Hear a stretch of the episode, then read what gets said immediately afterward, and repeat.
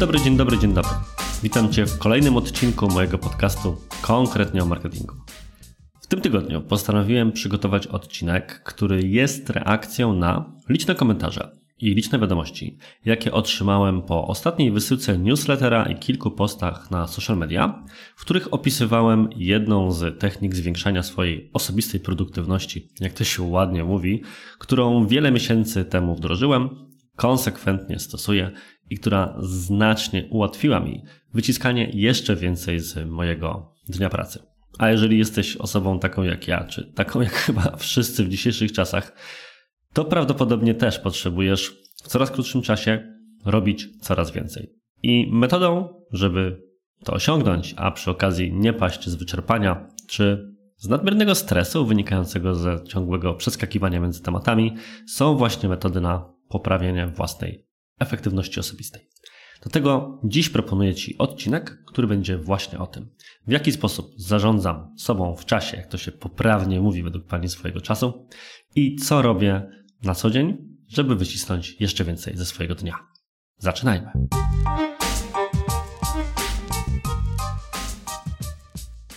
Już na samym początku muszę dać pewną gwiazdkę na końcu zdania. Oczywiście techniki, o których będę Ci mówił, po pierwsze, być może Tobie akurat nie podpasują. Każdy z nas jest inny i każdy działa w zupełnie inny sposób. Ba, nawet ja sam dzisiaj myślę, że nie byłbym w stanie do końca dogadać się ze swoim trybem pracy i ze sobą kilka lat temu. Przykładowo, obecnie jestem osobą, która świetnie odnajduje się z działaniami wcześnie rano. Lubię wstać jak najwcześniej, wziąć się za pracę, żeby już do godziny 10-11 mieć załatwione jakieś kilka dużych tematów, które na mnie czekały i być w stanie na przykład wypełnić sobie dalszą część dnia spotkaniami czy rzeczami, które na mnie spłyną dopiero w ciągu dnia. Natomiast wiele lat temu lubiłem na przykład do tego typu rzeczy siadać sobie wieczorem w okolicach godziny 8 czy 9, bo wtedy z kolei odpalał mi się taki drugi moment produktywności, a środek dnia był tym fragmentem, kiedy pracowało mi się najgorzej. Do czego zresztą jeszcze później nawiążę. Druga bardzo ważna sprawa. Rzeczy, które ja mam wdrożone i sposób, w który mam je wdrożone, wynika z faktu, że, no cóż, jestem właścicielem 40-osobowej firmy, mam fantastyczny zespół, który mnie wspiera i przejmuje jak taki falochron e, na pierwszym planie będąc wszystkie rzeczy, które ewentualnie spłynęłyby wówczas na mnie. Mam tu na myśli po prostu osoby zarządzające poszczególnymi zespołami, czy zespół, który kontaktuje się bezpośrednio z klientami, czy inne osoby zaangażowane w najróżniejsze projekty. Dzięki temu, że oni są na pierwszej linii, ja jestem w stanie zamknąć się w swojej jaskini, w biurze i pewne rzeczy robić. Nie zmienia to jednak faktu, że przynajmniej część spośród tych rzeczy być może również uda Ci się wdrożyć, ponieważ kiedy sam jeszcze pracowałem na etacie, również miałem okazję wielokrotnie rozmawiać ze swoim szefem, szefami i mówić im o pewnych zmianach w sposobie pracy naszego zespołu, które sugerowałem, że warto byłoby wdrożyć właśnie po to, żebyśmy mieli więcej czasu na przykład na pracę głęboką. I kto wie, jeżeli będzie na to zapotrzebowanie, daj proszę znać w komentarzu, czy wyślij mi wiadomość gdzieś na mediach społecznościowych. Być może nagram osobny odcinek właśnie o tym, w jaki sposób my jako zespół dbamy o to, żeby poszczególni jego członkowie mogli w pełnym skupieniu pracować nad projektami, żeby nikt ich nie cały czas ze skupienia nie wyrywał.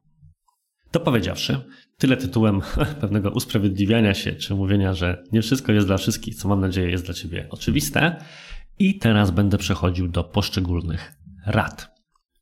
Zacznę od rzeczy najprostszych. Pierwsza sprawa, i jest to taka rada, którą podzielił się ze mną swego czasu Adrian Gorzycki z Przygód Przedsiębiorców, którego gorąco tutaj polecam, to jest nieodpalanie maila czy komunikatorów z rana. W zasadzie Adrian podzielił się ze mną inną radą, ponieważ realizowaliśmy swego czasu serię ekspercką na jego kanale i Adrian polecił mi wówczas, żebym w ramach szykowania się do nagrań nie wchodził na maila, zanim zaczniemy nagrywać, bo to na przykład może się okazać niebezpieczne. Może tam na mnie czekać jakiś mail niecierpiący zwłoki, albo być może stało się coś, co wymagałoby mojej uwagi, czy po prostu zepsułoby mi humor, a to na przykład sprawiłoby, że miałbym gorszą formę podczas nagrań. I stwierdziłem, że jest to rada absolutnie fantastyczna, zacząłem się zastanawiać, w jaki sposób mogę ją zaadaptować również na jakieś inne obszary. I tak narodził się mój nowy zwyczaj. Normalnie było bowiem tak, że za każdym razem, kiedy wstawałem rano i siadałem do pracy, to tą pierwszą godzinę między 8 na 9 poświęcałem na, jakby to powiedzieć, takie przeorganizowanie sobie całego porządku dnia oraz szybkie odpowiedzenie na rzeczy, które nie wymagają jakiegoś szczególnego namysłu. A więc tu jakiś prosty mail, tu jakaś prosta sprawa, tu jakiś prosty task w Asanie. Sęk w tym, że po czasie stwierdziłem, że jest to bez sensu.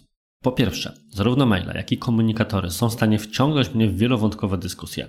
I tak wielokrotnie bywało. A jeżeli już się odpisało, po pięciu minutach dostaje się odpowiedź, no to nie powiem, że grzechem, ale jednak wypadałoby pociągnąć wątek, no bo chcemy ten wątek skończyć. W końcu po coś do tego maila tak wcześnie siedliśmy. Z drugiej natomiast strony, jednocześnie zauważyłem, że im później w ciągu dnia, tym coraz mniej mam energii. Do czego jeszcze wrócę. Wobec tego nie powinienem kluczowego momentu swojej efektywności, kiedy jeszcze jestem świeżo po spaniu, być może smacznym śniadaniu, kawie itd. Tak nie chcę powiedzieć marnować, ale poświęcać na zadania, które nie wymagają aż takiego skupienia i aż takiej siły woli. Wobec tego nie odpalam z rana w ogóle ani maila, ani komunikatorów, chyba że wiem, że czeka na mnie, bo jestem tak umówiony z zespołem, coś naprawdę ważnego, bo na przykład stała się rzecz niespodziewana i musimy zareagować szybko. Natomiast przez większą część tygodnia tego nie robię i pierwszy raz siadam do maila po tym, kiedy zrobię już to jedno, dwa ważne zadania z samego rana. Okazuje się, że świat się od tego nigdy jeszcze nie zawalił, a ja dzięki temu mam też takie poczucie, że mm, udało mi się zrobić już coś ważnego i mogę rzucić teraz w wir bieżączki przynajmniej na tę godzinę albo dwie. Z tą radą wiąże się, jak być może widzisz, rada numer dwa, którą nazwałbym tak bardzo elegancko, zrozumieć swój rytm dnia. Być może jesteś jak ja i wówczas Twój rytm energetyczny dnia, bo tak bym to określił, wygląda w ten sposób, że najwięcej siły do działania masz z samego rana, potem przychodzi spadek i ewentualnie siły wracają Ci pod wieczór. Bo tak to wygląda u mnie. Najwięcej siły mam gdzieś od godziny właśnie 6, 8 do mniej więcej 13, maksymalnie 14. Potem naprawdę obserwuję u siebie spadek skupienia.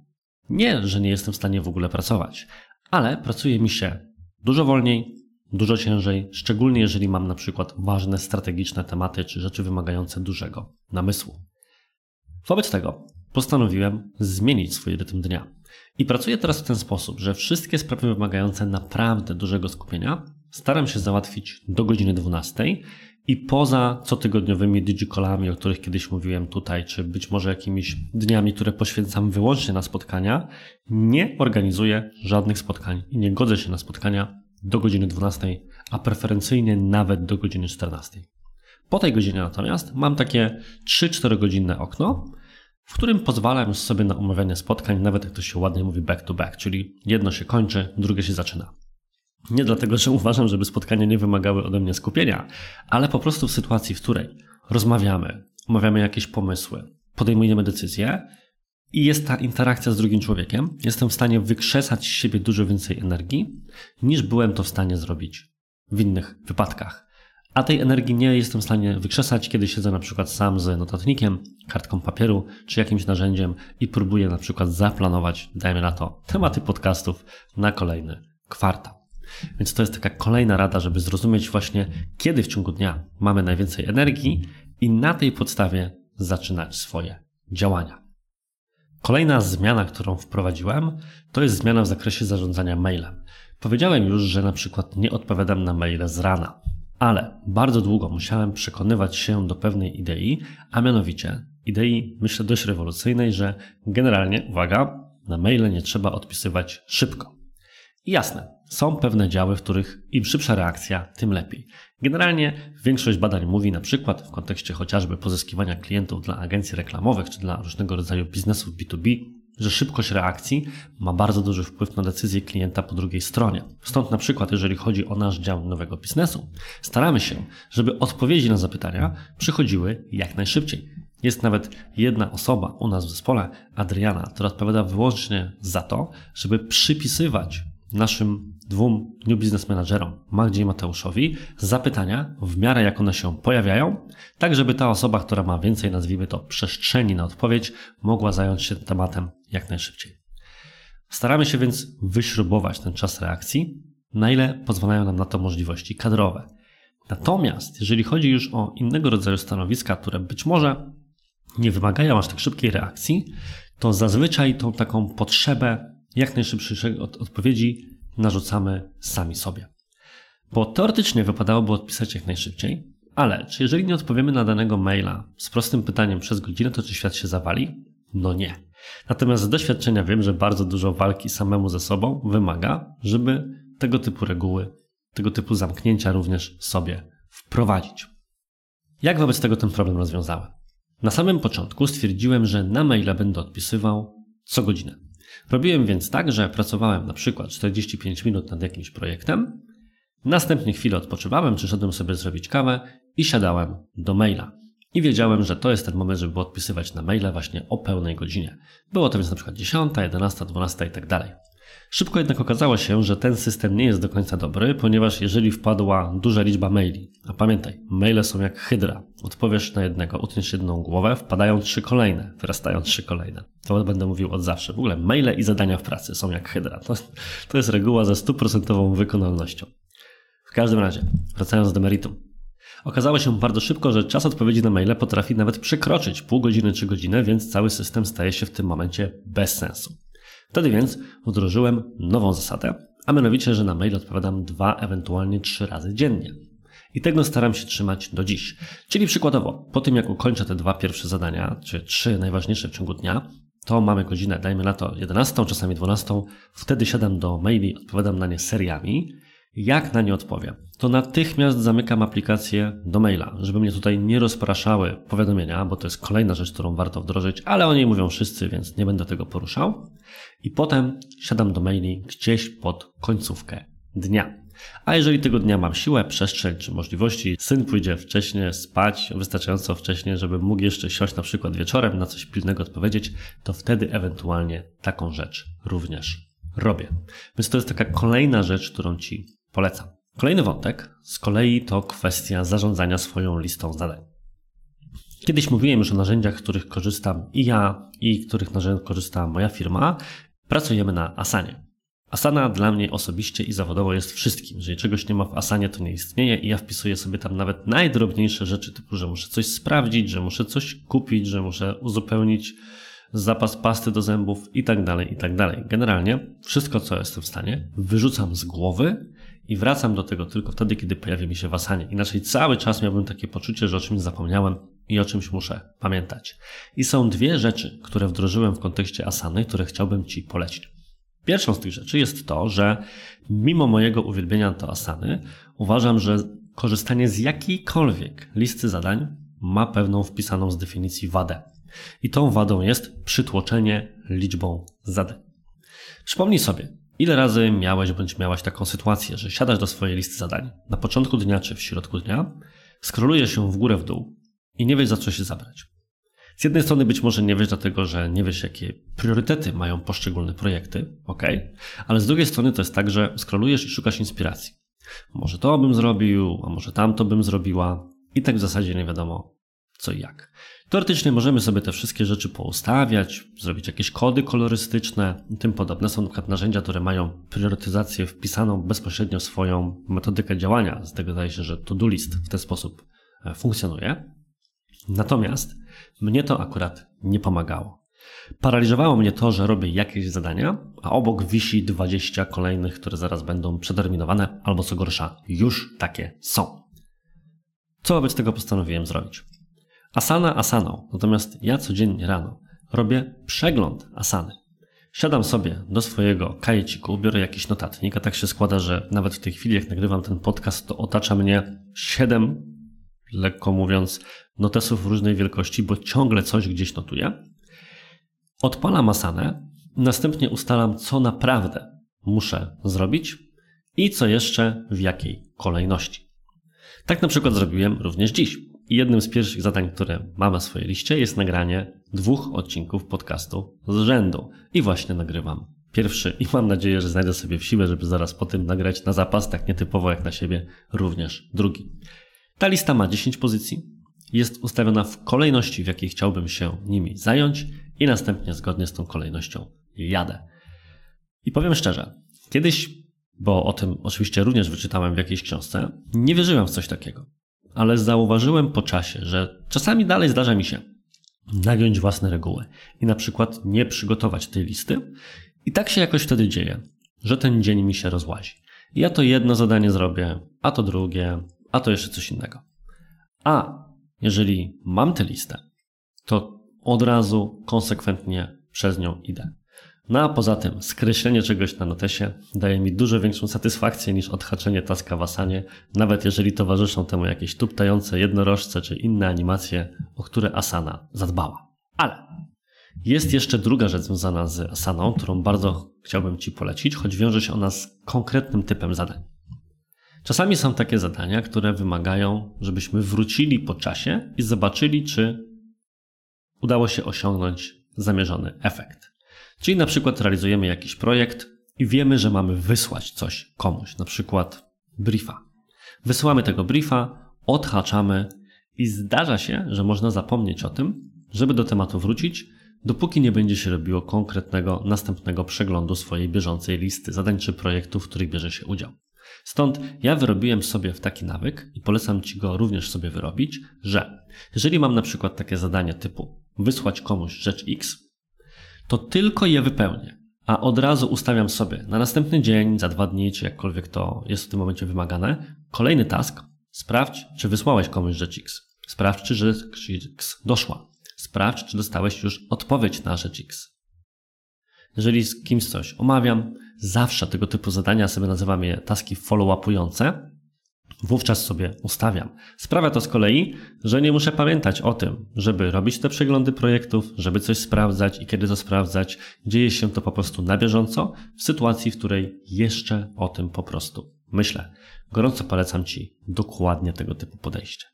Ostatnia rada z Korei i myślę, że najważniejsza, bo też taka, która mm, w największy sposób zmieniła mój sposób działania i pracy, to podział swojego tygodnia na dni różnego typu. Kiedyś było tak, że akceptowałem spotkania według tego, jak ktoś mnie na nie zapraszał. Dopasowywałem się cały czas do cudzego kalendarza albo moich pracowników, co jeszcze jest ok, albo innych osób, które miały jakieś swoje oczekiwania co do tego, że będę się z nimi umawiał na spotkanie we wtorek o 9 albo w piątek o 15, zależy od tego, jak im pasuje. I nie brali pod uwagę tego, co ja chciałbym zrobić, czy jak wygląda mój tryb dnia, a ja nie byłem na tyle asertywny albo nie myślałem, że może to być ważne. I potem budziłem się na przykład z takim dniem totalnie w kratkę, w którym co półtorej godziny miałem na przykład jakieś spotkanie między godziną a półtorej. Albo miałem takie dni, w których tu miałem spotkanie, później coś robiłem, później wiem, że miałem siąść na przykład do podcastu, ale w zasadzie się za to nie wziąłem, bo nie było to jakoś zaplanowane tak, tak naprawdę na 100% i działy się inne rzeczy. Brakowało mi pewnej ramy, którą mógłbym wtłoczyć swój dzień. I w końcu postanowiłem to wszystko oczywiście zmienić. I od tej pory mój tydzień pracy wygląda następująco. Poniedziałek jest dniem zarządczym. Jednocześnie bardzo męczącym, ponieważ pierwszego kola zaczynam o 8 rano, a kończę ostatniego w okolicach 18.30. Natomiast jest to dzień, w którym godzina po godzinie, spotkanie po spotkaniu, rozmawiam ze wszystkimi kluczowymi osobami w firmie, mam spotkanie z naszymi partnerami zewnętrznymi, z którymi współpracujemy, e, z szefami poszczególnych działów albo z całymi działami i tak.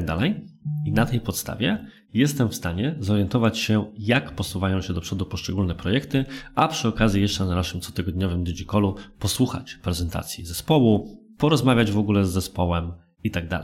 Tak wygląda mój poniedziałek. Przyznam, że jest to niesamowicie wyczerpujący fizycznie dzień, natomiast nieprzypadkowo jest świeże po weekendzie, więc mam tę siłę, żeby przez ten dzień przebrnąć. No a poza tym, przy okazji mogę sobie porozmawiać ze swoim zespołem. Wtorek z kolei jest u mnie dniem kontentowym. To oznacza, że mniej więcej właśnie do godziny 12 mam albo webinar, jeżeli tego dnia planuję akurat webinar, albo piszę wpisy na blog, albo nagrywam podcasty, albo robię inne tego typu rzeczy, a od 12 zaczynają się moje spotkania z kolei tutaj już z poszczególnymi e, szefowymi i szefami zespołów, team liderkami i team liderami. Bardzo ciekawa sprawa, bo kto powiedział, że muszę sobie cały dzień blokować na jakiś rodzaj aktywności, na przykład właśnie o tworzenie wpisów na bloga, planowanie postów w mediach społecznościowych czy newsletterów, można w ten sposób również zagospodarować sobie po prostu pół dnia, a pół dnia zostawić na nieprzewidziane wypadki. Takimi dniami na nieprzewidziane wypadki są na przykład środa, czwartek, ponieważ zależnie od tego, jaki mamy miesiąc, tydzień czy obłożenie, środa albo czwartek są tymi dniami, które mam zarezerwowane na szkolenia. Jeżeli akurat prowadzę swoje szkolenia dwudniowe, to najczęściej jest to właśnie środa i czwartek. Jeżeli jakaś firma zgłasza się do mnie po szkoleniu dedykowane, to najpewniej dostanie ofertę, że albo w środę, albo w czwartek. I wtedy, zależnie od tygodnia, jestem właśnie na wyjazdach, na spotkaniach, na jakichś kluczowych spotkaniach i tak dalej, właśnie w te dni, bądź mam szkolenia. Jeżeli nie, to mam dwa dni na gospodarowanie innymi rzeczami. Tak jak w tym tygodniu, gdzie celowo nie planowaliśmy, bo jestem akurat po powrocie z krótkiego wyjazdu z Finlandii, nie planowaliśmy żadnych szkoleń, więc i środa, i czwartek mam na nagrywki czy inne projekty wewnętrzne, albo właśnie pracę bieżącą.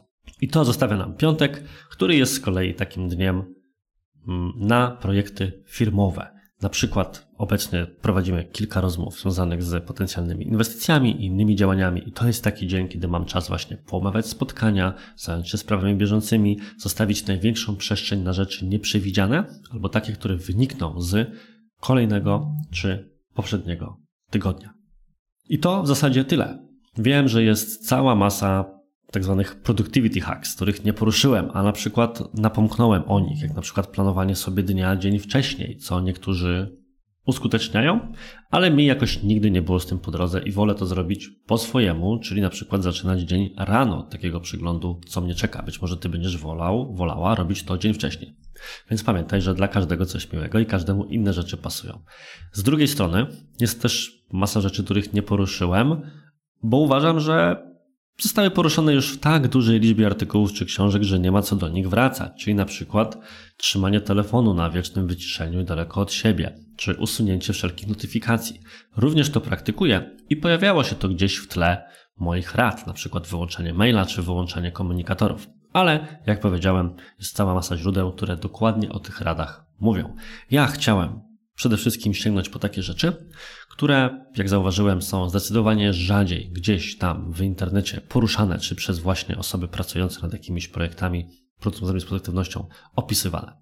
Daj proszę znać w odpytach świadomości prywatnej, gdzieś na mediach społecznościowych, w komentarzach pod tym odcinkiem i tak dalej, jakie ty stosujesz rozwiązania, które zwiększają Twoją produktywność. Kto wie, może dzięki temu część słuchaczy i również ja wdroży kolejną przydatną rzecz, i dzięki temu wszyscy będziemy jeszcze bardziej efektywni. W końcu o to trochę się niestety toczy gra. Jeżeli zaś podoba Ci się sam podcast konkretnie o marketingu, to proszę zostaw mu 5 gwiazdek, czy jaka jest tam inna maksymalna wartość. Poleć go, koniecznie napisz jakiś komentarz na przykład na Apple Podcast, bo dzięki temu te wszystkie algorytmy zaczną mnie stopniowo coraz bardziej lubić i będę rosnąć tam w tych wszystkich rankingach i uda mi się dotrzeć do jeszcze większej liczby słuchaczy. A na dziś to wszystko. Bardzo Ci dziękuję za to, że byłeś, byłaś ze mną i do usłyszenia w kolejnym tygodniu. Cześć!